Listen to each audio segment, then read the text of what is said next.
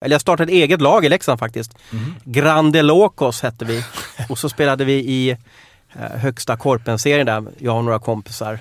Eh, och så hyrde vi Leksands isstadion som det hette på den tiden och, och mötte några lag som hette Costa Nostra vet jag på lördagskvällen. Det var legendariska matcher.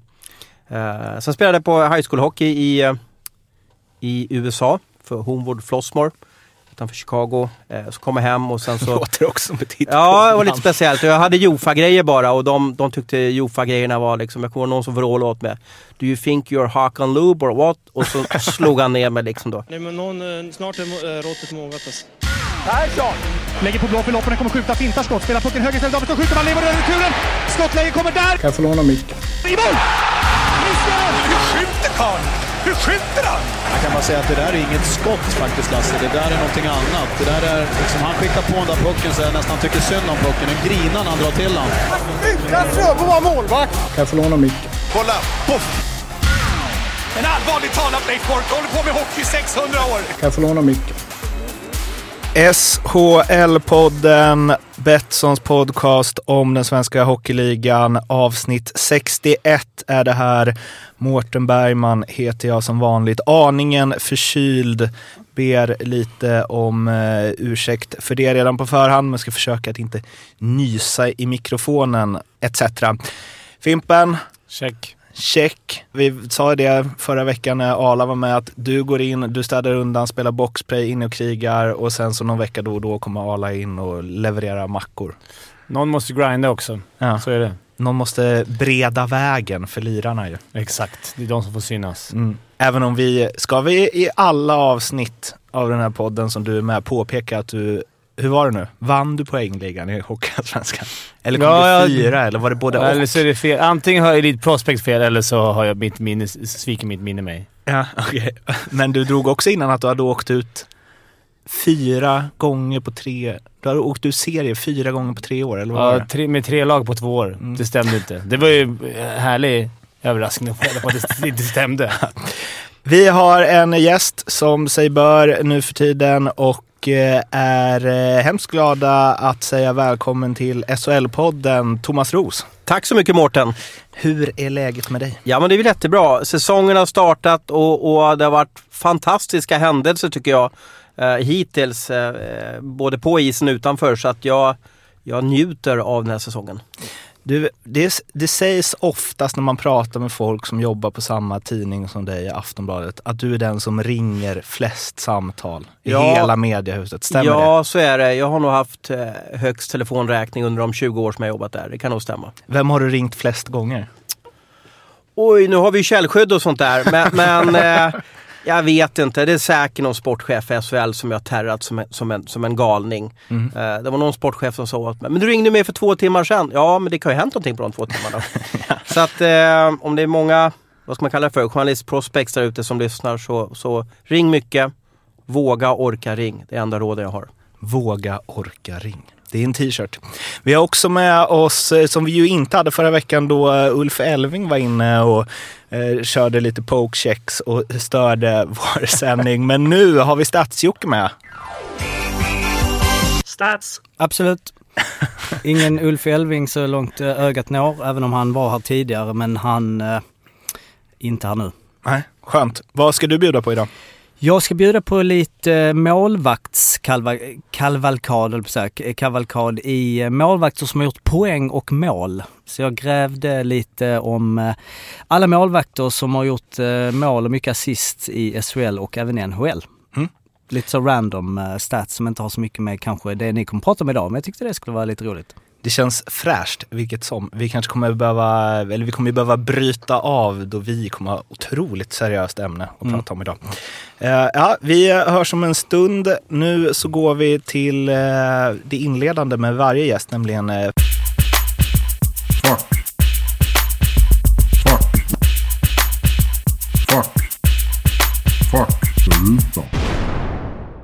fullständigt namn, Thomas Åke Ros. ålder. Eh, 47. Fick tänka lite. Ja, precis. Vad är hemma för dig? Eh, hemma är för mig eh, Stockholm och Leksand. Jag är lite växelboende just nu. Har du någon tatuering? Nej. Kommer du skaffa någon? Jag är för gammal för det. Fimpen, eller hur? Det är väl töntigt att vara 47 och skaffa en tribal-tatuering, Det eller? tycker jag inte. Det tycker jag inte. Kör! Ha, halva Gör det bara, ansiktet, gör är det det inte? Och persare. Har du någon eh, förebild utanför sporten? Förebild utanför sporten? Nej, jag, jag, jag tycker att det här låter jättetöntigt, men jag tycker Carl Bildt är en fantastisk kommunikatör och hans eh, ordförråd är magiskt. Vilket eller vilka lag klappar ditt hjärta lite extra för? Baltic, Hellas, Leksand, Djurgården och eh, Calgary, nej fel, Chicago Blackhawks. Baltic? Mm. Där vill man ju Ja men de var ju, de var ju kungar när jag och Fimpen växte upp. Alltså, Ja, du kommer ja. ihåg Bempa och allting va? De var ju, det var alltid Baltic som, som var kungar på banden. Va? Nu ska vi se här om jag kan. Ola Fredriksson, Ola Fredriksson. Fredrik Rinaldo Ja, på senare år. Senare år ja. Det, här, det här, när jag gick igång på Baltic så var det kanske eh, mellan 70 och 80-tal. För Jag vet inte hur många SM-guld de vann där men de var, de var eh, det orangea nystnätets kungar. Om du eh, ska utveckla eh, lagsympatierna inom hockeyn då, Leksand och Chicago Blackhawks. Ja, Chicago, jag bodde i Chicago ett år eh, och, och gick på matcher där och, och såg lite slutspel där och, och tyckte väl att de bara hade coola tröjor och, och eh, eftersom man, det var den NHL-arena jag fick, fick först besöka och då fick man väl känslor för dem. Eh, När var det här? Ja, 88. Mm. 88, 89. Jag gick sista året på high school där utanför Chicago. Så jag träffade ett hockeygäng där som bestämde oss för att åka in och kolla på massa matcher. Så det vart nog en 20-25 matcher den säsongen. Det var en annan hockey då. Det var annan hockey där. Det var det. Framförallt så var gamla Chicago Arena, det var en av få arenor i NHL som hade ståplats. Vi köpte ståplatser högst upp där på, om vi ska prata eh, Globen-format så var det högst upp på etage 7 eller etage 9 eller vad man ska kalla det för. Då. Så, så stod man och kollade ner längst nere då. Och när Chicago förlorade så, så flög ju eh, burkarna ner då mot sittplats. Publiken där. Den, den egna sittplatsen. Precis, ja men det var en mer besvikelse liksom. Okej. Eh, och Leksand då? Ja, men jag har bott i, i Leksand mycket och, och eh, eftersom jag är uppväxt på 70-talet då valde man ju nästan mellan Leksand eller Brynäs. Det var ju de lagen som var bäst på den tiden. Och, och jag valde laget med, med vita tröjor eller blåa tröjor. De tyckte jag var, hade, eh, de hade ett snyggt klubbmärke. Djurgården är fotboll då eller? Nej men Djurgården också alltid, jag, min, när jag började spela hockey så började jag spela i Djurgårdens hockeyskola. Mhm. Jag åkte omkring där med, eh, med eh, Djurgårdsemblem på, på, på magen och hade Thomas på någon tejp på någon tejpbit där på hjälmen. Så då fick man lite känsla för dem och det var ju de man, när jag bodde i Stockholm när jag var ung, det var ju de man åkte in och kikade på på Hovet där. Älskar att stå på, på gamla Hovet när det var två tårtbitar som, som ståplatser. Djurgården hade ena sidan, AIK hade andra sidan. Va? Det var inte som det var nu utan Hovet såg ju helt annorlunda ut. Jag tyckte det var magiskt att komma in på den tiden då. Hade du koll på det Fimpen? Att det är en gammal Djurgårdsspelare som sitter här. Ja, det hade jag inte koll på. Men jag förstod att han har, har han spelat hockey här i Stockholm så finns det ju... Är risken rätt stor. Men du minns ju Hovet på den tiden. Det Ja, var ju underbart med de här tårtbitarna och när det var, när det var derby alltså. Det, det var eh, helt otroligt. En rå och, och cool stämning. Då fanns ingen hylla. Det fanns ingen hylla. Nej. Eh, finns det något lag som du verkligen inte gillar? Nej, det kan jag inte säga. Jag, jag, jag störde mig alltid på Luton i, i, i Premier League när de fanns där. Jag tyckte inte de hade några supportrar. Tyckte de hade dålig arena och jag vet inte, alla matcher jag såg på Tipsextra med Luton tyckte jag att det var bara pissfotboll. Snacka om att sparka på den som ligger. Luton får sig en släng av sleven här, helt oväntat. Eh, har du eh, någon favoritspelare genom alla tider? Ja, jag säger väl Jeremy Ronick då. Eh, Gå tillbaka till Chicago-tiden där i, i Blackhawks. Jag gillade honom. Cool, cool frilla och en fantastisk utstrålning på isen och grymt skott. Eh, Han gjorde väl 40 mål några år där i, i världens bästa hockeyliga. Så honom har jag alltid gillat. Mr JR. Han är ju rätt vass nu med, Ja. efter karriären. En spelare du har aldrig riktigt gillat? Är det någon gammal finns? Ja, nej men det finns ju säkert många och det finns ju säkert många i elitserien som jag tyckte har varit knepiga att göra med. Uh, kommer väl inte på någon direkt sådär nu men, men det finns ju många som jag tyckte har haft en konstig syn på media och de har, de har jag stört mig på lite. Men jag, det finns inget namn som ploppar upp nu. Det finns nog många och de har nog stört sig på mig också säkert. Det har varit ömsesidigt. Exakt. Mm. Här vill man ju pressa ut några namn, men okej då. Du slipper den här gången. Vilken hockeyspelare genom... Ja men jag kan väl säga en då, Ah, yes. och det är väl säkert en favorit här hos, hos Fimpen också. Fredrik Norrena i Linköping hade jag lite problem med. Uh, tyckte att han gömde sig mycket och han vill inte, han var ju ganska, har du, har du puckcheckat Vem honom i magen Vem eller? hade inte problem med han? Nej. Möjligtvis hans föräldrar. Men alltså det är okej, alla, även de som spelade i Linköping tyckte han var lite Ja, han var, han var väldigt speciell tycker jag. Jag, jag förstod honom inte och jag tyck, han var ju, hamnade i många situationer på isen, utanför isen, som man då ville prata med honom om och han förstod inte varför han skulle utveckla, varför han hade huggit någon på, på vaderna eller, eller slagit ner Fimpen framför mål eller någonting. Han, han tyckte det var helt ointressant. Vilken hockeyspelare genom tiderna har varit slash är ehm, mest, eh, eh, som du mest identifierar dig med? Som du känner mest att om jag hade varit på den här nivån hade jag sett ut Ja, som den. när jag, oj då. Eh, när, jag, när jag spelade hockey själv och det var absolut inte på någon, på någon hög nivå så kallades jag för vältaren. För det gick så trögt när jag åkte skridskor, så ut som jag drog en vält bakom mig. Okej. Eh, och jag vet inte, Fimpen har någon som är riktigt klen på rören som du har spelat med som jag kan, som man kan dra till med här? Du kollar på mig som att jag ska säga det är som mig. Men det... Ja, Jag vet inte. Edvin Frölén var väldigt stor och stark och kunde välta omkull folk. Ja, och gick men eh, med vältan så syftar hon nog på att det var så, gick så trögt när jag åkte skridskor. Såg ut som att jag drog som sagt var en vält bakom men det hände ju ingenting. För att det andra är ju bättre grej. Precis, men det här var nog mer min skridskoåkning att den var, den var usel. Det var det folk syftade på. För annars hade ju Elias Pettersson fått se upp, tänker man. Ja, Vältaren, precis. precis ja.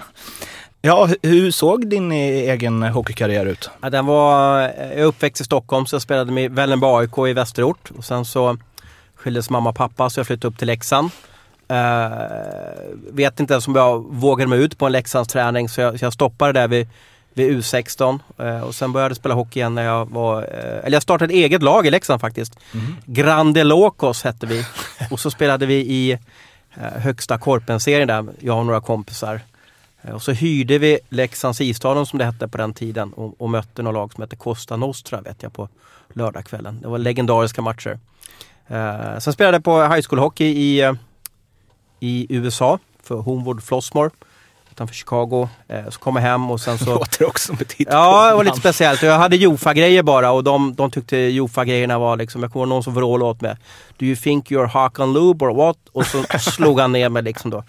För Håkan Loob hade ju alltid Jofa-grejer då. eh, och sen flyttade jag hem och så körde jag väl någon match med Häradsbygden där uppe i Leksand i, i trean eller fyran. Och, och, och sen så bestämde jag mig för att nu, nu har jag gjort bort mig tillräckligt där ute. Vad sa du att ni hette? Grande Locos? Mm, stora idioterna var med, om min spanska kan rätt. Grande Locos med vältaren som Precis, lagkapten. precis ja. Det låter Ja. fantastiskt. Finns det några stats om dem på... Uh, Jocke kanske har stats på Gratulokos. Men eh, va- varför vågade du dig aldrig in i Leksands Det var- U? Var det... Det var, o- kände, de var för duktiga och så där, jag kände mig liksom, det här var, det var på en helt annan nivå liksom då. Så var det legendariska Kjell Mases var tränare för, för, för det där laget och, och Ja, han, bara jag såg honom så blev jag nästan så jag kissade på mig. Men du, är ändå, eh, du spelade ju ändå eh, upp i, vad sa du, 15-16 års ålder på liksom. Ja, i Junior. AIK spelade jag precis. Är det. Vem, eh, vem är den bästa från din årskull så som du stött på i unga år?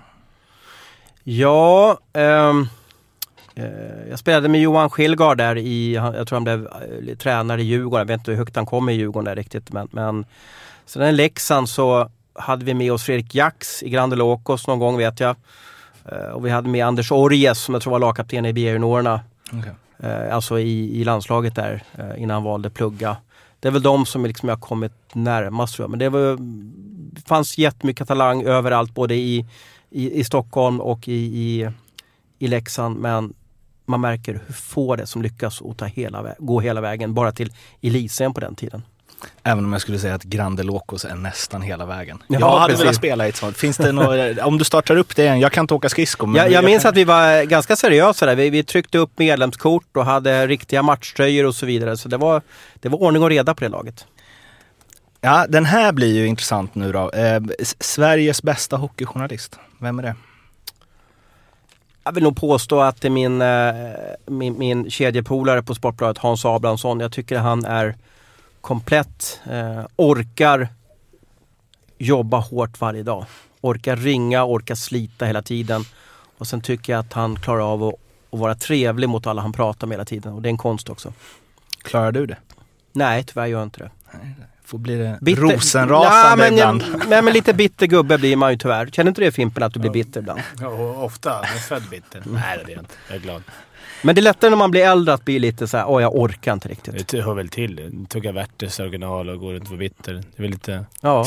ja. Precis. Det snällaste man gör är att man bjuder på en då och då. Liksom. Knappt. Knappt. Eh, SHLs bästa hockeyspelare idag? Jättetråkigt sva- svar, men det är väl Joakim Lindström tycker jag fortfarande att han har. Jag, jag trodde de skrev ett långt kontrakt med honom där uppe i Skellefteå och jag, och jag tyckte de skrev något år för, för långt.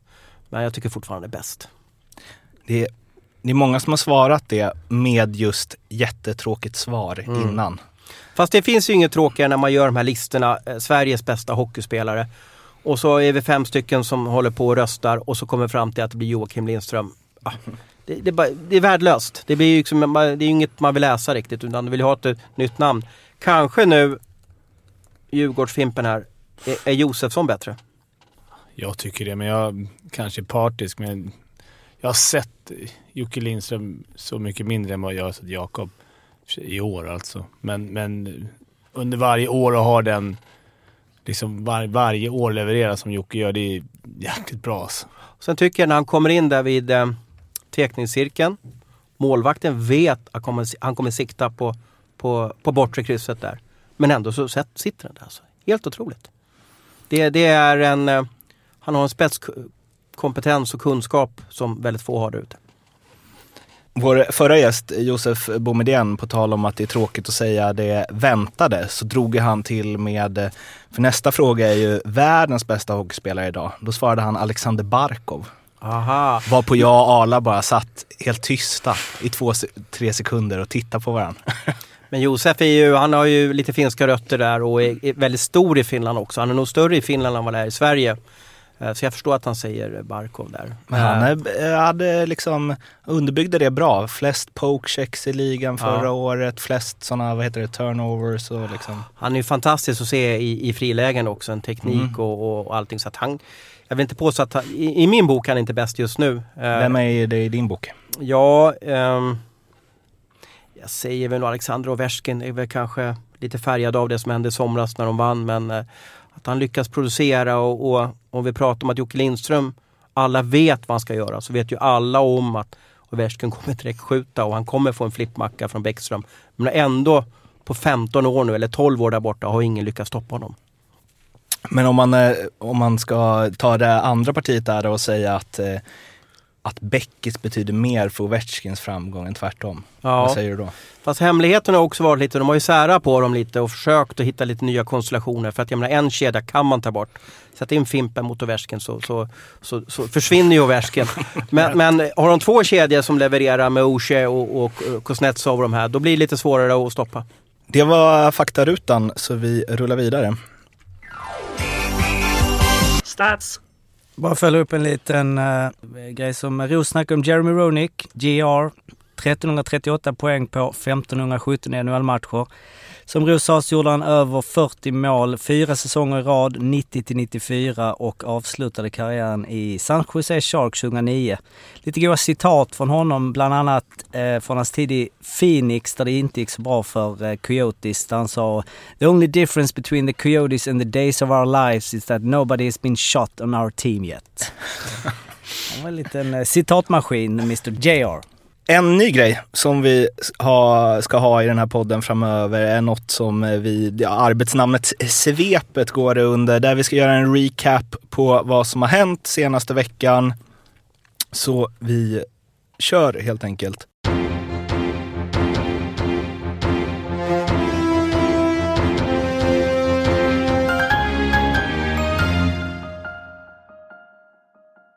Förra veckan blev det klart att Stefan Bengtzén efter fyra år i Brynäs fick lämna rollen som sportchef.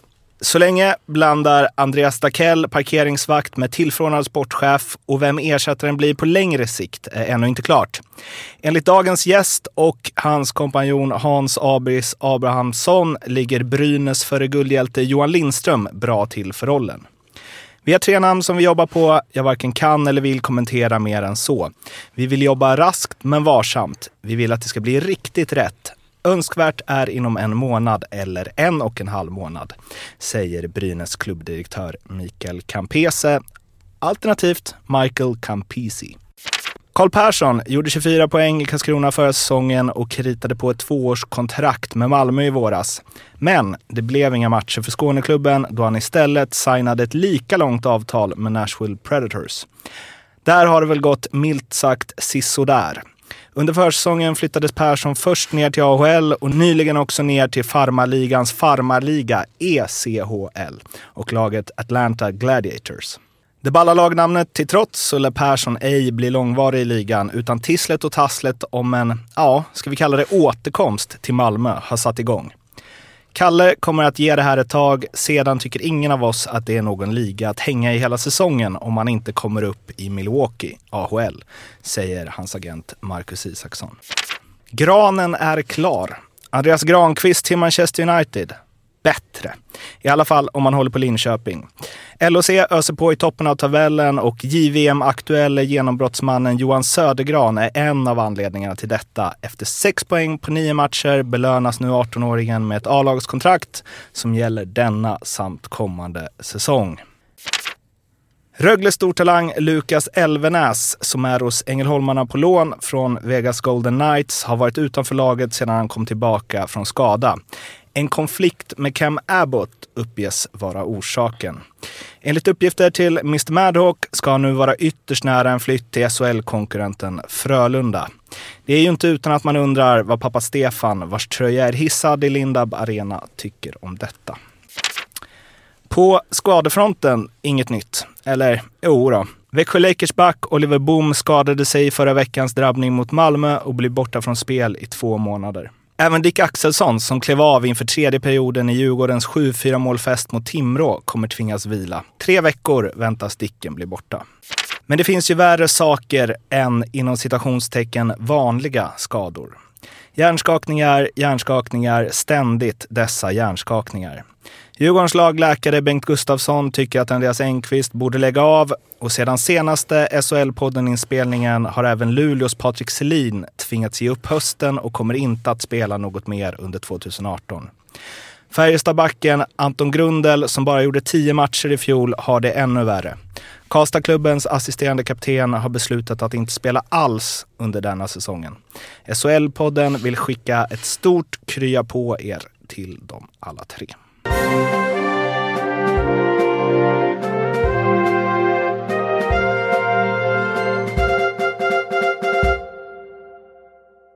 Smaskig detalj om Elvenäs, om, om jag får flika in med det i alla fall. Jag kan bjuda på det. Jag har inte hunnit skriva den i bladet än och, och, vi får se om jag gör det eller om det, vi går vidare med. Men, men det här med Elvenäs startade med att eh, Rögles lagkapten Craig Shearer och Elvenäs hade en, en, en eh, ganska tuff kommunikation på bänken. Och det här gjorde jag då att tränare Abbott och sportchef Abbott tyckte att nu måste vi läxa upp den här junioren. Eh, och de har ju alltså då en hel kanadensisk eh, ledarstab där med först sportchefen och tränaren och sen då lagkaptenen. Då, så att de håller ihop där. Så att, eh, det var det som utlöste hela att Elvenäs och lagkaptenen brakade ihop på bänken.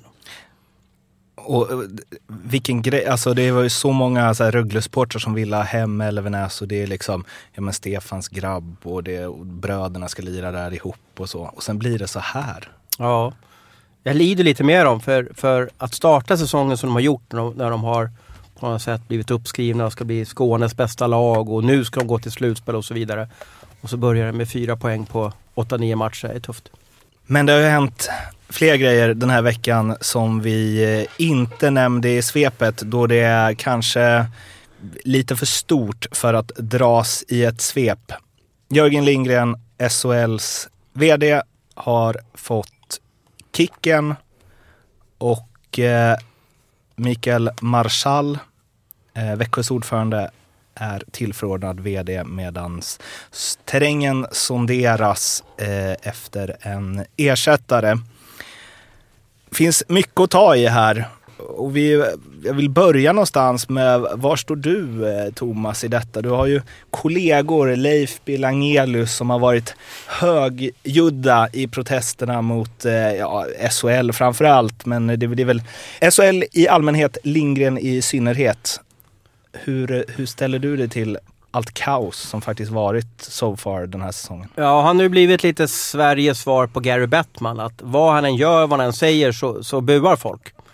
Uh, och kanske främst då uh, ståplatspubliken. Jag tror att det här drevet som har gått vid backabandet, så alltså 22 augusti så skrev Aftonbladet en artikel om det som skulle sluta med att Ulf Rönnmark fick avgå. Det vill säga det vart att domarna tyckte inte om sin arbetsmiljö. Hon tyckte att man hade en dålig styrning. Och det här vart ju då första baklängesmålet för, för Jörgen då, Jörgen Lindgren. För att eh, han var ju chef för Ulf och hade på något sätt liksom då låtit det här fortsätta. Sen hade vi lite censur som kom ut. Vi hade lite licenskrav som började sippra ut. Och varje gång när Jörgen försökte bemöta det här så, så vart det bara värre. Vad han än sa så vart det bara värre. Så jag tror att det här slutade med att klubbarna tyckte att vi måste offra någon. De hängde ut en eh, syndabock, eller syndaback om vi ska prata hockeyspråk. eh, så att eh, han blev nog offer för att hockeyfamiljen tyckte att det stormade för mycket. Rätt eller fel då? Du, det, det, är en jättebra fråga. Det man ska veta så att lyssnarna får liksom lite insyn i det hela det är att SHL kan ju liknas med en, eh, med en sommarstuga som ägs av 14 stycken personer. SHL, SHL ägs ju då av 14 klubbar. Och, och tänk er själva att då vara, försöka vara chef, driva den här sommarstugan när du har 14 stycken personer och det här är inte då det här är personer med starka viljor som alla röstar efter vad det står på klubbemblemet. Luleå tycker att man ska göra som pass, det som passar Luleå bäst och så vidare. Så att det är lite mission impossible. Eh, jag tycker att det är rätt med tanke på det som har varit. Han har varit där sju år, det är kanske är dags att byta röst. Jag tycker att det är oschysst mot honom med tanke på den förändring, den, den otroliga förändring som SHL har varit med om de senaste sju åren. Bland annat det största tv-avtalet har ju skrivits på 3,1 miljarder kronor. Nu är det ju Erik Strandmark på SHL som kanske ska hyllas för det avtalet men hans chef är ju då Jörgen så att Jörgen har ändå gett honom verktyg för att lyckas med den här förhandlingen. Eh, jag tror att det var varit omöjligt för Jörgen att vara kvar. Han kunde fått ett värdigare avslut kanske, kan man känna. Ja, men samtidigt ett års lön. Jag är övertygad om att ja, men, ja. telefonen ringer idag och han får nya erbjudanden. Kanske också att ha den här tjänsten. Eh, jag tror att han har fått så mycket hot, så mycket skit. Jag tror hans barn till och med har fått, fått sin del av den här beskärda sleven. Eh, jag tror att han idag när han sitter där i, i, utanför Södertälje är nog ganska nöjd med att det inte blåser, att telefonen inte ringer, att han inte får hatmejl och så vidare. Det måste vara skönt att det är över. Ja, kanske. Men det var en riktigt tydlig... Jag tyckte informationen som gick ut runt allt det här, jag hängde inte med, jag läser inte jättemycket om det där, men alltså var det verkligen tydligt med det kändes som många ville missuppfatta informationen som kom från SHL. Men det gör all information som kommer ut från SHL tyvärr blir miss, missförstådd. Ja. Och det är väl kanske inte en styrka de har. Eh, de är väldigt dåliga på sociala medier. De informerar och de kommunicerar inte. Eh, sedan är ju då, igen, de ska då göra Mora nöjda, de ska göra Djurgården nöjda, de ska göra Växjö nöjda som har sitt supporterklienter. Det där, det går inte. Men utifrån, utifrån det då, hur, hur utvärderar man, eller ni, Jörgen Lindgrens jobb? Och det han har gjort för svensk hockey och SHL under den här um, Jag tycker att han har gjort fel att han inte har delegerat mer. Jag tycker att han har gjort fel att det är han som har varit ambassadören för SHL. För att han har inte lyckats prata med bönderna på böndernas vis. Eh, sedan har han lyft SHL som organisation. Alltså han har, eh, och Fimpen kom med inspel här, alltså SHL för 15 år sedan, eller elitserien som det hette då, var en helt annan liga. Idag sänds alla matcher på TV. Ja. Vi har lite roligare arenor, alltså Saab Arena, Cloetta Center. Du har Kinnarps Arena, du, du har, Hovet är visserligen ganska likt men eh, du har om du jämför med den arena du åkte runt i när du gjorde debut i, i elitserien jämfört med hur det såg ut sista stor, åren. väldigt stor skillnad. Det blir mera Mer ett event tycker jag. Mm. Event med, med, positivt eller negativt? Jag är lite old school. Jag tycker att det är kul att stå och äta varmkorv och sådär på, på ståplats. Men jag förstår att ska man ta sig framåt så måste man gå efter det här eventet. Du måste kunna sälja till barnfamiljer. Du måste Mm. ut. Och det är det som är det svåra. Du ska ändå kunna tillgodose ståplatsläktaren på Hovet samtidigt som du ska kunna folk som vill gå liksom med och vifta med klappar på Växjö-matcher. De måste kunna gå på sina matcher. Och det är det som är så lurigt för du har ju då hardcore uppe i Luleå på sitt sätt. Och sen Ja. har du de som betalar 475 kronor för att äta kräfter i Vida Arena. Det är ju inte lätt att, att, Nej, det att se till att båda de här är nöjda. Om vi ska gå vidare till det då, den som ersätter eh, så länge, Mikael Marschall, om, jag ber om ursäkt om det uttalet är fel. Eh, han är ju just Växjö Lakers ordförande, den som eh, äter kräftor i Vida Arena. Eller åtminstone vill att folk ska göra det.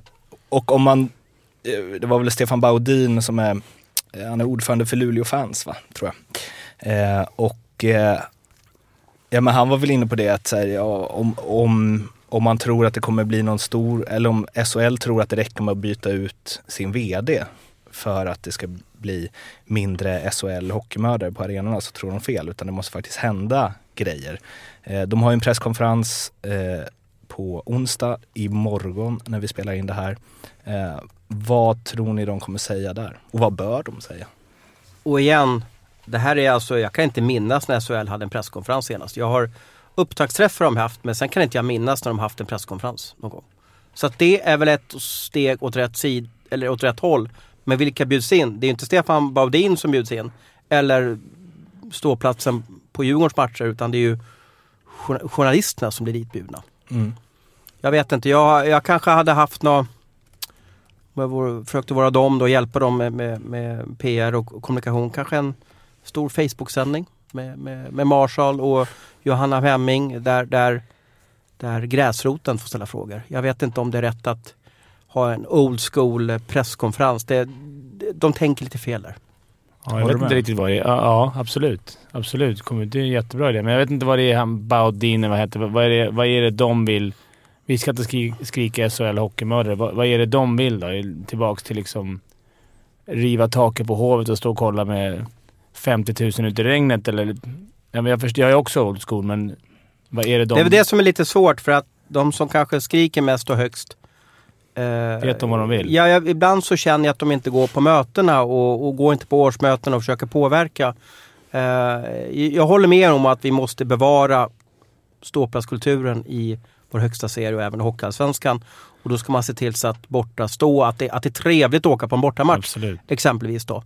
Men då får man ju komma med, med inspel och så vidare hur vi kan göra. Och kanske ett steg åt rätt håll är att man inför någon typ av superslow för SHL, som, alltså supportansvarig som får vara med i SHLs proffsstyrelse. Då. Varför inte? Då har man ju liksom sträckt ut handen. Det du är inne på här, det är ju liksom, vi hade behövt många program för att reda ut det. Men just att man ska tillmötesgå så många klubbar. Det går Ja. inte. Nej, eller det är väl det man kommer ner till. Det är väl som om du gör den här podden. Du, du har ju 14 SHL-klubbar som du hoppas, eller supportrar som ska lyssna på det här. Men du hinner ju inte prata om alla klubbar utan du försöker ju liksom sätta upp fingret i, i, i luften och kolla ungefär vad det blåser och försöker lu- använda ämnen. Så det är en väldigt komplex situation. Jag satt i, igår kväll när jag skulle förbereda mig för det här programmet så, så tänkte jag på hur var, det, hur var det förr i tiden? Då? då var det Peter Gudmundsson och Tommy Töppel som skötte Hockeyligan och så satt jag och googlade lite artiklar. Då fick jag precis komma in på när, när nätet började då, för det var, det var så länge sedan. Och då hade jag en bild på när jag lämnade över 80 000 namnunderskrifter på att supportrar var förbannade på att eh, det var bara 12 lag i högsta serien och ville utöka serien. Så jag menar, det var inte bättre förr. Det är tufft också. Klubbarna ser rätt annorlunda ut också. Liksom. Du har Djurgården som har eh, sin del. Du har lilla Mora kanske. Du har... Alltså ingen klubb är den andra lik, så att det är helt omöjligt att tillgodose alla. Alltså, Men återigen då till eh, liksom den här pressträffen och, eh, för det blir ju någonstans, SHL ger sig ju en chans nu att så här, starta om. Nu, de har skickat vdn, kan ta in en ny där och där också har de en naturligt tillfälle att börja med en ny approach och kanske lite mer lyssna. Vad är viktigt att de trycker på? De ska ju inte ha för, för bråttom nu utan nu har man ju en chans till nystart här när, när både Rönnmark är borta och Lindgren är borta. Lite gubbväldet är borta i, i, i uh, elithockeyn.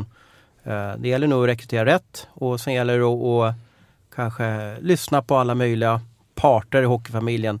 Hur blir vi en, en trevlig liga igen som, som går hem i stugorna?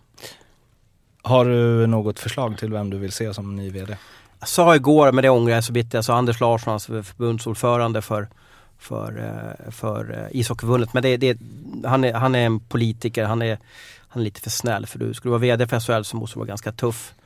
Eh, jag gillade det Mats Adrian, han var en gammal klubbdirektör för Frölunda. Han är idag hög chef på Skandia. Vad han gjorde med Frölunda. Eh, han tog dem från att vara ett lag i kris till att tror han vann 16 SM-guld med, med, laget om man tar med juniorgulden och så vidare. Eh, att få honom orka hoppa på skeppet, eh, det vore en bra lösning. Sen tror jag kanske att det ska se bättre ut om det, det är kanske en yngre kvinna som tar över på något sätt med en, med en ny röst och en ny approach. Eh, han är ju snart 60, Mats, så att det kanske skulle ge någon typ av signal. Men han är en skicklig VD, kan svensk hockey. Jörgen Lindgren har ju fått en hel del kritik för att han ger politiker svar och aldrig svarar på saker. Ehm, jag läste intervju med eh, Mats Grauers i Sportbladet igår och vill bara läsa upp lite från den för att ni jag vet inte, för, det, för det är ju, den fick i alla fall mig att så här, ja det är inte bara Jörgen Lindgren. Eh, Mats Grauer som är ordförande i Frölunda va? Ja, ordförande, stark man. Han, ja. han är säkert inne och petar ganska mycket i klubbdirektörrollen också där. Och han är ju med i, sitter i SHLs eh, styrelse. Då sa han så här om beslutet att Eh, sparka Jörgen Lindgren. Det är ett styrelsebeslut vi tagit och vi tror att det är klokt att göra en förändring i det här läget. Varför tog ni det här beslutet? Styrelsens uppgift att över tid fundera över hur en organisation ska ledas och vi har gjort en värdering att det är klokt att byta nu. Vad blev Lindgrens fall? Jag vill nog inte precisera det mer än så. Mer än att det är en summering hur vi ser på SHLs framtid, hur vi ska leda och vem som ska leda. Alltså så här fortsätter det i fem, sex frågor till. Han svarar mm. inte på någonting. De har ju blivit lite, det har blivit en liten tystnadskultur i SHL. Tidigare kunde man ringa klubbdirektör och så kunde Håkan Loob säga dittan och dattan och så hade man en bra rubrik på det och, och så vidare. Vi ska göra Nordic Trophy eller någonting sånt där. Idag är det ju så att det har blivit centralt styrt att, att eh, jag tror inte klubbarna får ha åsikter om så mycket eh, igen. De får inte tycka till de här sommarstugan utan det är då SHL centralt som ska tycka till att nu ska vi måla sommarstugan rött. Eh, och det tror jag, jag tror att klubbarna nu vill ta tillbaka makten. Det är därför de tillsätter en, en ny tillförordnad VD som kommer från klubbarna. tar ingen utifrån. De tar en som har SHL, alltså Växjö-märke på sig. Mm. Det tycker jag är en markering att de vill ta tillbaka makten. Är det tråkigt för er då att jobba? Ja men så är jag är jätteförvånad nu hur det har varit när man, när man eh, exempel nu, Abris ringde Grauvers igår och han säger goddag yxskaft. Liksom då. Tidigare kunde du alltid ringa till, vad hette Djurgårdens gamla, han ekonomikillen där som var klubbdirektör under många år. KG Stopper? Nej, men innan KG där, tappade namnet där. Tommy, Tommy... Ja, Tom Engström? Tom Engström. Ja, och så sa han, ja men det är klart att vi ska ut i Europa, kunde han säga då. Och så gjorde man artikel om det. Eller sådär, och så, oj, det var inte... jo men, men klart man måste ha åsikter, eller hur? Ja. Ringde ju alltid Rickard Fagerlund och han kunde ju såga allt från damhockeyn till, till liksom förbundskaptener och sådär. Det är, väl, det är väl roligt om man har en åsikt. Att läsa vad Grauer säger, då blir man ju bara besviken. Ja, man kan ha det, man kan ha, man vill ha tillbaks tiden. Ja. Jag tror klubbarna också är på väg det att kanske försöka ta tillbaka, ta tillbaka makten. Men sen eh, igen, det är 14 olika viljor som tycker det ute. Jag gillar den här sommarstuga-jämförelsen ja. väldigt mycket. Jag, jag, brukar dra den för jag tror att folk förstår, aha, det är så de tänker. NHL är ju lite annorlunda för då är det liksom NHL. Mm. Ett företag som äger NHL och sen får klubbarna köpa sin plats då. Sina veckor i sommarstugan mm. eller vad man ska kalla det för. Då. Men det här är ju klubbarna som äger sommarstugan. Och alla klubbar vill ha tre veckor i mitten av juli. Vecka 29. Ja, och det ska ätas kräftor samtidigt som det ska drickas öl. Ja, ja men visst, nej, men så, då är det ju. Vissa vill äta kräftor. Vissa vill äta kräftor och vissa vill dricka, eller äta den här korven också. Ja. Ja, det är, ja, eller pajen innan kräftorna. Ja. För de som inte gillar det. Ja, det blev en eh, sommarstugekräft eh, tillbakablick eh, som vi liksom snodde ihop det här Jörgen Lindgren out med. Nu ska vi ringa till eh, Per Ala Albrandt och få eh, veckans speltips. Ja, Per. Ja, tjenare Per. I Tjenare. Hej, hur är läget? Ja, det är lysande. Ja, vad skönt. Vi eh, sitter här, jag, Fimpen och Ros och är så spända över vad du har för eh, tre speltips den här veckan. Ja. Jag behöver deg, Arla. Jag behöver deg. Jag behöver deg. Ge mig något, att- ge mig något att hoppas på helgen här. Ja, ja, ja. ja. Bra. Lugn bara. Lugn bara. Vi har ju fin form här nu med banken som har gått in ett par gånger i rad och senast hade ju även draget där med Färjestad och Frölunda. Du, du är mycket bättre på att framhäva hur det gick med spelen när de har suttit. Exakt. ja. jag har ju varit ärlig och sagt att det gått åt helvete också. Ja, det är sant, det är sant. Det får man ge dig. Ja, vad har du att bjuda på? Ja, så här va. Jag är ju tabellnörd så jag satt och kollade på Premier League tabell. Okej. De har ju spelat åtta omgångar och det har ju eh, de flesta SHL-lagen också gjort. Och då kollar jag på Växjös målstatistik. Och då är det så här att det är bara nio lag i Premier League som har gjort mindre mål i Växjö. Alltså mer än hälften har gjort mer mål än Växjö i fotboll. Och det är bara sju lag som har släppt in mindre. Så nästan två av tre har släppt in mer än Växjö. Så vad säger det? Det säger att Växjö spelar jäkligt målsnålt. Eh, vill ni gå på vill ni se mål, gå på hockey funkar inte längre när Växjö spelar. Det var väl eh, någon som twittrade där att ehm, någon som twittrar stark material, jag kommer dragandes med här. Men det var någon som twittrade om att det var fler mål mellan Djurgården och Timrå än vad Växjö gjort i år va? Ja, lika många. Elva lika många, ja, Det blir Sju, fyra. Ja, vad, så det blir... Eh, Ja, det blir ju, det var en lång eh, formulering, men eh, Växjö HV under 4,5 till 1,91 blir banken den här veckan. mm. Så går vi till draget. Eh, då tänker många att Timrå har lekt färdigt i år. Men eh, jag är tveksam. Jag blir imponerad av sättet man kom tillbaka på mot Djurgården eh, i lördags flera gånger. Nu blir det torsk till slut, men de har något i det där laget. Eh, nu får vi 2-14 hemma mot Rögle och det hade jag inte rört med tång eh, före säsongen. Men Rögle, jag tycker mig se ett lag i en disharmoni där. där eh, nu har det varit lite bråk också ute i pressen och det är aldrig, aldrig bra när sånt kommer ut. Så Det är jättebra. det är jättebra. ja, precis.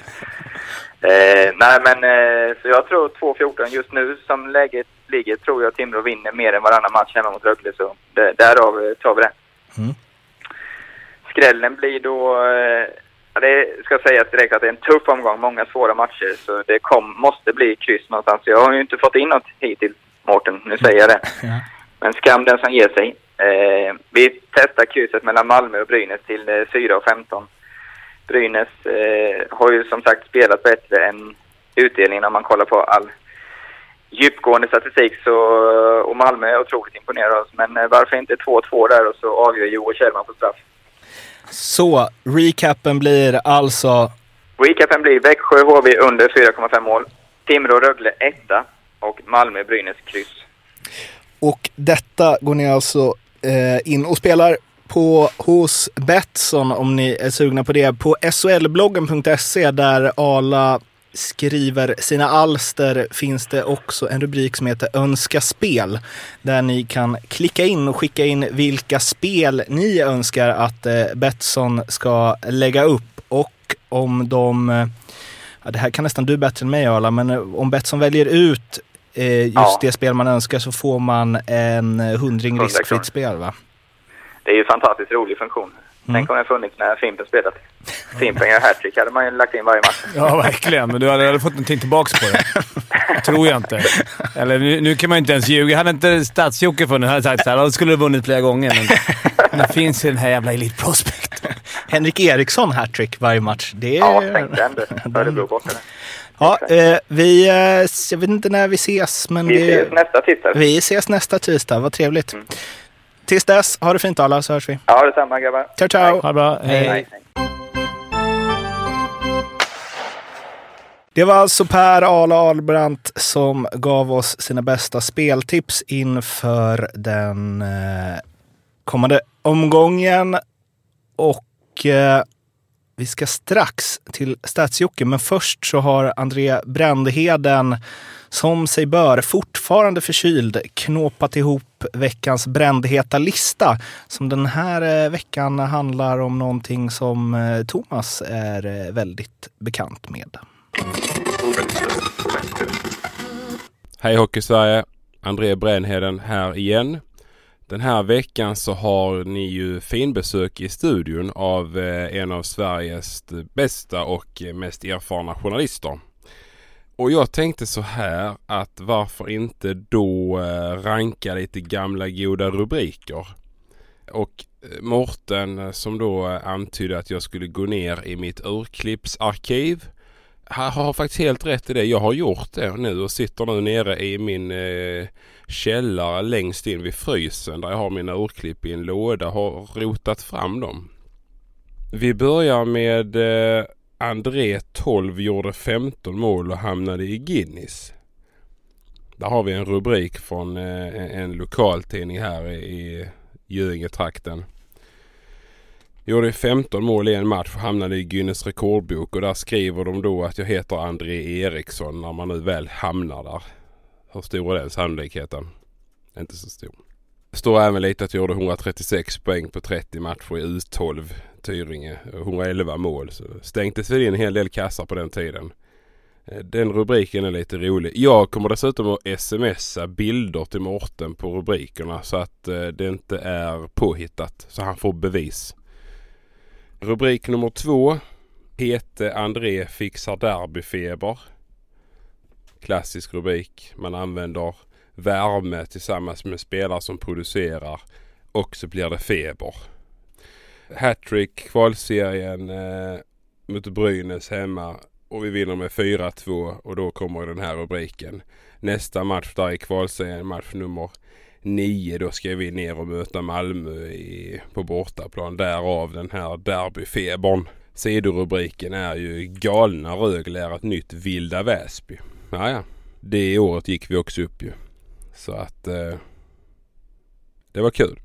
Eh, sista rubriken som eh, är också rolig det är Tyringe spelar i landslaget. Det var när jag gjorde min landslagsdebut i Småkronorna kom med till en J20-turnering i Sankt Petersburg och då är det en rubrik också från en lokaltidning att eh, jag gör då eh, eh, debut där och där är en bild på mig också. Det kan man kanske inte är så bra i podd att snacka bilder men jag har alltså tre stycken förpackningar med eh, majonnäs. Eh, jag jobbar i en butik här då och eh, lyfter dem samtidigt och under då bilden så står det André kombinerar jobb och styrketräning inför landslagsuppdraget. Ni kan ju bara måla upp den framför er när jag står där och tar de här tre flaken. Kanske väger sammanlagt 20 kilo liksom. Och försöker verka lite stark. Nej, vi har en i studion som är betydligt bättre på det här med, med rubriker. Men det här var mina tre den här veckan. Eh, jag krigar vidare och hoppas jag är frisk till nästa. Kör hårt grabbar. A bientôt. Thomas, vad säger du om de rubrikerna? Ja, kul, det är ju jätteroligt. Undrar om det är han som har klippt ut dem eller om det finns en mormor eller eh, farmor där som har varit eh, intresserad av karriären. Nej, det var eh, kul att höra också hur eh, underbart det är med lokaljournalistik. Hur de, hur de bevakar och bejakar sitt mm. hela tiden. 15 mål i en match. Ja, Lika bra som Gretzky tror jag det stod. Var det så också? Ja. Jag såg någon match i England här i helgen. Det var väl Billingham mot Manchester Storm U13. 0-66 på 45 minuter. Jag såg att du tweetade ut mm. ja. Det var ojämnt. Det är spel mot ett mål ja. kallas väl det. Ändå torskar de skotten. Ja. Nej, jag bara hoppas att alla i Billingham fortsätter att spela hockey efter det. För det här är ju ett bevis på att kanske man ska fundera på nivåindelning eller, eller kanske att resultatet är inte är så viktigt. Har du några favoritrubriker från journalistkarriären? Nej, jag förstod att den här frågan skulle komma riktigt då, men, men ja, det här är ju så tråkigt svar också. Foppa gör comeback. Ja, du vet liksom hur många gånger den körde. Eller Foppas fot, men det är ingen favorit. Men, men det var alltid roligt när Foppa skulle göra comeback. Till slut med att han gjorde fyra poäng, kändes som i varje match. Mm. Och på tal om hur många poäng Foppa gjorde i varje match så har vi fått sällskap i studion. Ulf Elving comebackade, slängde ut stats så han sitter nu här med oss och ska berätta om eh, hur många poäng målvakter gjort genom åren. Yes, det är ju eh, kaos det här i vår setup. Eh, förra veckan var det Ulf Elving som kastade ut mig. Idag var det någon arg person som skrek Gör du spik eller gör du spik? Vi måste direkt sända nu. Så jag fick springa ut. Vi måste lösa detta. ja. kan inte ha så här. Nu är du här i alla fall. Nu är jag här i alla fall. Och eh, jag började då snabbt och eh, gjorde googlingen Christian Eklund hattrick. Inte så mycket träffar där. Inte? Nej. Så, så jag, Men, har du gjort, eh, har du gjort ett Gordie Howe hattrick någon gång då? Det har, det har jag gjort. Det har jag gjort. Du kan väl förklara vad det är för något i så fall då? Ja, för mig är det mål, assist och eh, fem minuter för fight. Och det har jag gjort någon gång. I alla fall ett halvt, alltså bara fighten. 33 procent. Ja, 33 procent. Jag hade dubbelass också innan. Eh, nej, men eh, jag kör min eh, lilla statistikgenomgång. då. Det jag har kikat på den här veckan är ju då eh, keeprar som har gjort eh, poäng. Efter att en viss Hasse Svensson tipsade om det på Twitter. Mycket uppskattat. Så ni som lyssnar, har ni någon liten spaning som ni vill få en liten djupdykning i så bara äta oss på Twitter. Shoutout till Hasse Shoutout Svensson. till Hasse Svensson, ja. Du är king. Eh, nej, men vi kör då. Flest målvaktspoäng totalt i SHL. Då har vi ju Jarmo Myllys eh, Eh, i en eh, solklar ledning med sina 19 poäng på 375 matcher. Honken Holmqvist tvåa, 16 poäng på 719 matcher. Norrena, som vi nämnde innan, den snälle, 14 på 488. Och fyran har gjort 9. Så man kan säga att det är de tre som är liksom poängkungarna i svensk hockey. Flest mål, det är bara sex målvakter totalt som har gjort mål eh, i SHLs historia. Det är Jörgen Rydén, Jörgen Wikström, Vesa Toskala, Karl Krisan, utom, hur säger man? Krishan? Krishan. Krishan. Andreas Andersson och så Jarmo Millys då, som är den enda historien som har gjort två eh, stycken mål. Först 98-99 och det andra 00-01. Eh, bäst poängsnitt totalt har Pasi Nurminen som gjorde tre assist på 31 matcher för Malmö under lockouten 04-05. Han eh, la sen stöten på hyllan efter den säsongen. Det fick räcka med de eh, tre assisterna. Eh, Myllys ligger trea eh, på den listan med poäng var 20 match under sin eh, hela karriär. Etta på listan över bäst poängsnitt per säsong kanske inte är en sån här super eh, liksom, relevant lista egentligen. Men Jakob Markström gjorde en assist på åtta matcher, eh, 07-08. Eh, flest poäng på en säsong delar Jarmo Myllys med den gamla goa Sinue Wallenheimo. Fint namn som ploppar upp i statistiken. Då båda gjorde fem poäng. Eh, 00-01 gjorde Myllys det och Wallenheim gjorde det 02-03. Eh, det har hänt en del med eh, målvakternas utrustning eh, kan man ju tänka så här genom åren. Så att du kollar på, har, det, har detta förändrats över tid? Har det gjorts mer målvaktspoäng? Eh, och då var det så att på 70-talet, eh, det är ju från en SHL eller elitserien starten 1975 till 1980 så gjordes det tre assist av målvakterna enligt statistiken. Det var målvaktspoäng var 300 match. På 80-talet 43 poäng på 10 år. Målvaktspoäng var 48 match. Eh, sen ökade det stadigt på 90-talet. Totalt 68 poäng av keeprarna. Var 37 match då. Eh, och här kommer ju en potentiell game changer då eh, inför säsongen eh, 98-99 som kanske förändrar detta. Vad kan det vara tror ni? Andra assist kom in. Ja, den har jag i och för sig inte ens... Red line eh, offside. Red line of side var det. När kom andra assisten in? Jag var det inte. också i den vevan ja, jag, där? vet, jag kan tänka mig att målvakterna fick i alla fall lite lättare andra assist. Mm. Ja, för den är ju superviktig. För det har jag försökt kolla upp liksom första andra assist men det finns ju inte så i stats swayhockey. Det var nog, eh, det var nog efter jag la av. Det är därför inte jag hade så mycket assist. Jag hade mycket andra som inte reggades. Okej, så vi ska lägga till en 50% på din ass. Eh, andra assisten är ju intressant för jag menar att jag första assist eh, hade man ju velat ha. Men i alla fall, eh, Renland offside var det jag tittade på.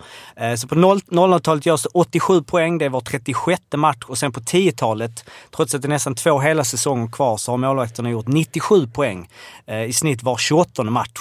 Eh, flest poäng gjordes det eh, 13-14 och det var totalt 17 assist av målvakterna.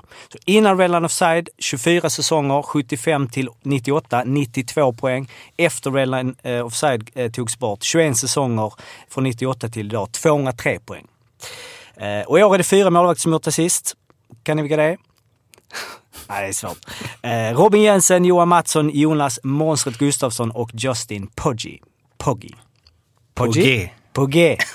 Eh, De har gjort eh, varsin ass på, och det har ju bara spelats 58 matcher. Så det är redan nu då eh, i, i rekordfart. Var 14,5 match görs det assist. En intressant grej, det är ju inte de, de som har varit mest framstående i målvaktsspelet direkt. Ja, monstret har Ja, väl varit. men det är väl han Men de andra, nej. Du menar att det finns en koppling där om man är De fokuserar och... för mycket på offensiven. Ja, det får vi kolla närmare på. Men, men Fimpen, lirade du eh, under lockouten 04-05 i, eh, i, i Djurgården där? Jag skulle precis ta upp honom. Theodor? Ja, nej, inte, nej, eh, den andra innan. Han som åkte hem, Marty Turco. Ja, han med cowboybootsen där och Ja, cowboyhatten. som sköt åt fel håll. Han stod, ju han stod ju finta. Alltså när forwards kom upp mot honom stod han ju finta och gjorde liksom... Det var ju, han var ju magisk med klubban. Vi hade faktiskt ett uppspel som var... Fick han pucken i lugn och ro och eh, hade tid och skulle vara backa bara söka ficka och han skulle sköta uppspelet. Då kunde vi ha två stycken högt. Alltså det var helt sjukt. Jag, han, inte för att jag sköt bra, men han sköt bra mycket bättre än mig från blå. Vem, vem har bäst klubbteknik av, av, av han och du då? Ja, klubbteknik är väl lika. Han har bättre skott. Okej, bättre med målvaktsklubba och eh, med stöten också. Ja. Vi försökte få dispens för han att stå på, på point i powerplay, men han får inte gå över rödlinjen, vet målvakten. Som den här, eh, vad heter den, i Mighty Ducks. Som åker fram med knucklepuck-skottet. Ja men eh, eh, Turco där. Jag, jag kommer ihåg när jag mötte honom första gången. Just det, som, han såg ut som någon ja, ja, riktig cowboy eh, som kom in där. En riktig cooling då. Sen, sen så vet jag inte, familjen trivdes kanske inte riktigt där. Men, men eh, åh, vilken säsong och vilken sevärdhet, vilka sevärdheter det fanns i ligan då. Verkligen. För då tar vi oss eh, naturligt över till NHL. Där har vi ju de kvartett som spelar i liten egen liga när det handlar om poäng. Då har vi ju eh, fina namnen Grant Fuhr, Tom Barrasso, Martin Brodeur och Patrick Roy. Som ju då har gjort 232 poäng tillsammans. Eh, näst, typ nästan exakt lika många. 61, 60, 56 och 55 eh, över säsongen. Brodeur är den enda målvakten som gjort tre mål Eh, i väl hockeyhistorien antar jag. Kanske finns eh, någon division 3-spelare någonstans som har gjort, men eh, tre mål. Ehm, och eh, du har totalt gjort 14 mål i NHL, eh, varav sju har varit självmål då när målisen har varit sist på pucken och sju har varit riktiga mål. Eh, sjuka säsongen var ju Grant Fjord då han gjorde 14 assist på 35 matcher i grundserien. Eh, 83-84. Ehm, och han gjorde totalt 17 assist på 67 matcher inklusive slutspel. Och den säsongen då, och det är ju här kanske finns något samband, samband så gjorde ju Paul Coffey totalt 148 poäng och Wayne Gretzky totalt 240 poäng. Så de gjorde nästan 400 poäng de två spelarna, vilket man kan tänka att Fjord slog en och annan pass ut till eh, Coffey som drog eh, över hela isen, eller Gretzky, och sen så en pass och så mål. Ge pucken till Wayne. Exakt, det var nog det som eh, Grant hade som. Men, det är ju, men då måste ju andra assist ha räknat. I NHL En på öl har säkert 80-talet. varit mycket Ja. tidigare än vad, vad, vad, vad högsta scen här hemma har varit. Kan du inte powergoogla den här Olof Sundström om, om du orkar eller om det finns... eh, Olof, va? Olof Sundström ja. Jag, jag tror han var ganska eh, duktig på det här med att göra poäng också. Man kallas för Oliver Goalie och var borta i massvis med ligor i, i Nordamerika. Och i Tyskland, va? Vad, vad kallas han så? Olaf the Goalie? Ja precis. Efter, och sen var, Ja, han var väl num, nummer två då. Olof Kölsik var väl Oliver Goalie nummer ett. där. Jag vet inte om han hade så bra stats men jag fick en känsla av att jag tycker att han haft tryckt in många assist och kanske också några mål genom tiden. Det är svåra är ju på Elite Prospect att de inte har... De har- eh, nej, precis. Så att eh, den får vi... Folk får eh, twittra in om Ja, han- verkligen. Bra, verkligen. precis. Bra. Olof Sundström-fans där ute. Olaf the Goalie eh, fanclub. Mm. Pumpa in. Intressant karriär. för övrigt. Många klubbar. Ja, det, det finns mycket där alltså. Det blir senare. Ja. Men ja, det var dagens eh, stats.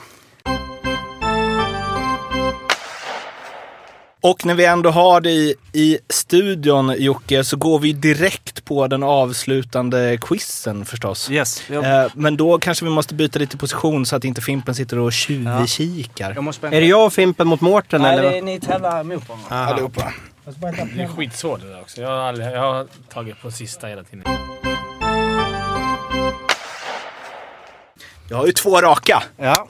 Du är ju... Eh, hur känner du Fimpen? Eh, i, liksom, I odds. Eh, vad är oddsen på den här quizen idag tror du? Jag skulle tänka mig rosen är knappt pengarna tillbaks. Bjudodds på, på Mårten, men jag... Ja, det är en riktigt hög odds om jag skulle vinna här. Verkar det som. Jag trodde jag var bra, men tydligen inte. Mm. Vi får se. Vi, vi får se. Eh, Och hur det går till då är att eh, vi kommer att, eh, jag kommer att läsa ledtrådar till en spelare. Så vi söker en spelare och vi kommer börja på 10 poäng och sen 8, 6, 4, 2. Och när ni tror er veta vilken spelare jag pratar om så ropar ni bara ett namn och så skriver ni ner på eh, lappen eller mobilen vem det är. Och sen så kommer jag fortsätta läsa även om alla svarat så att vi går till två poäng så att lyssnarna också har en chans att... Så man svarar alltså inte förrän vi är i hamn. Nej, exakt. Bara ropa och sen skriv och inte avslöja det. Påminner lite om På spåret. Lite om så, precis. Och du är med Ros? Mm. Till? Yes. Alright, på 10 poäng. Han började sin karriär i Luleå, men stack sedan till Frölunda där han SHL-debuterade som 20-åring. Han avslutade karriären för mer än 10 år sedan. Det, det ska vara svårt där på 10. Men eh, ja, inga. 8 poäng. Det blev bara en säsong i Frölunda innan den Kalix-födde lämnade för Brynäs. Där stannade han i tre säsonger innan han vände hem till Luleå igen. Hans glödande kusins tröja är hissad någonstans i Hockeysverige. Mm. Sex poäng. Nu börjar Thomas eh, lite prospekta här. Mm. Han sitter och far med Alltså, mobil. den är svår, det går inte. Man får inga, man får inga Google-rubbar hittills. Nej. Sex poäng. Efter tre säsonger i Luleå stack han över till NHL som 25-åring där han totalt gjorde 88 poäng på 243 matcher under fyra säsonger för SHL och Vancouver. Det var mellan 1987 och 1991.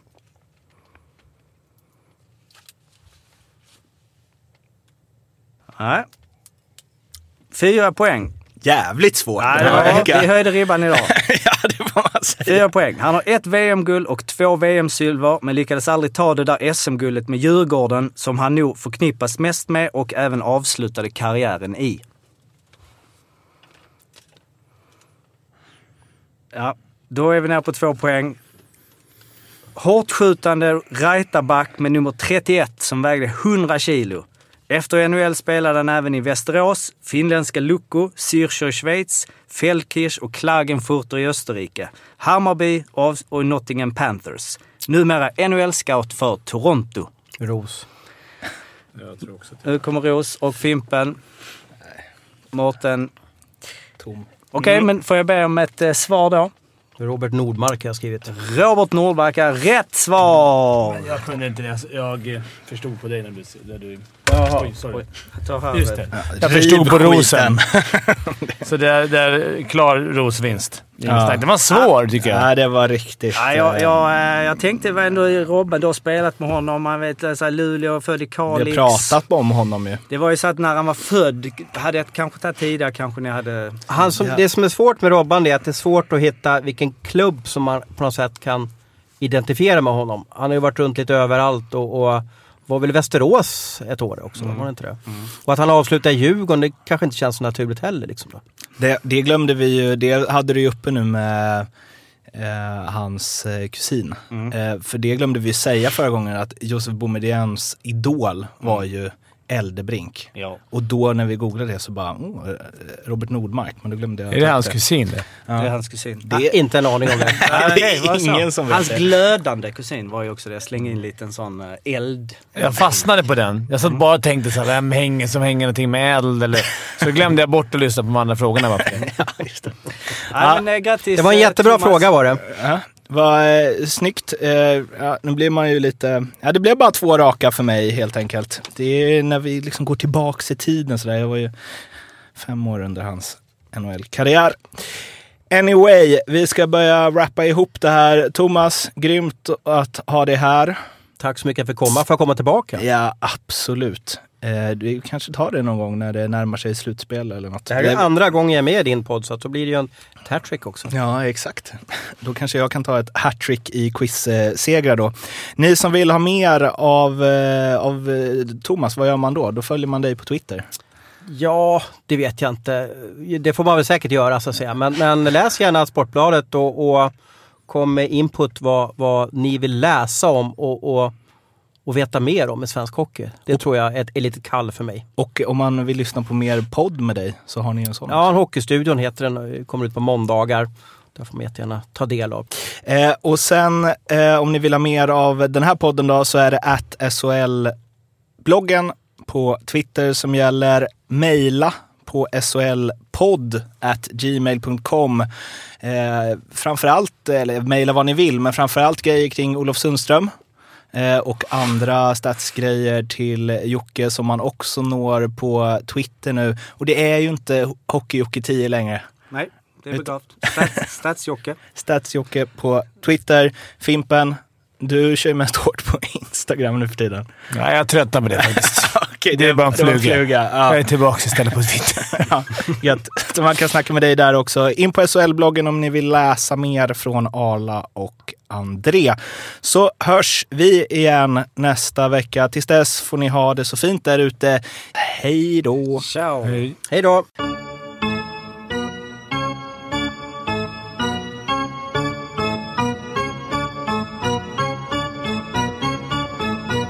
SHL-podden görs av mig, Mårten Bergman, tillsammans med Joakim Österberg för Betssons räkning och produceras tillsammans med SMT Radio.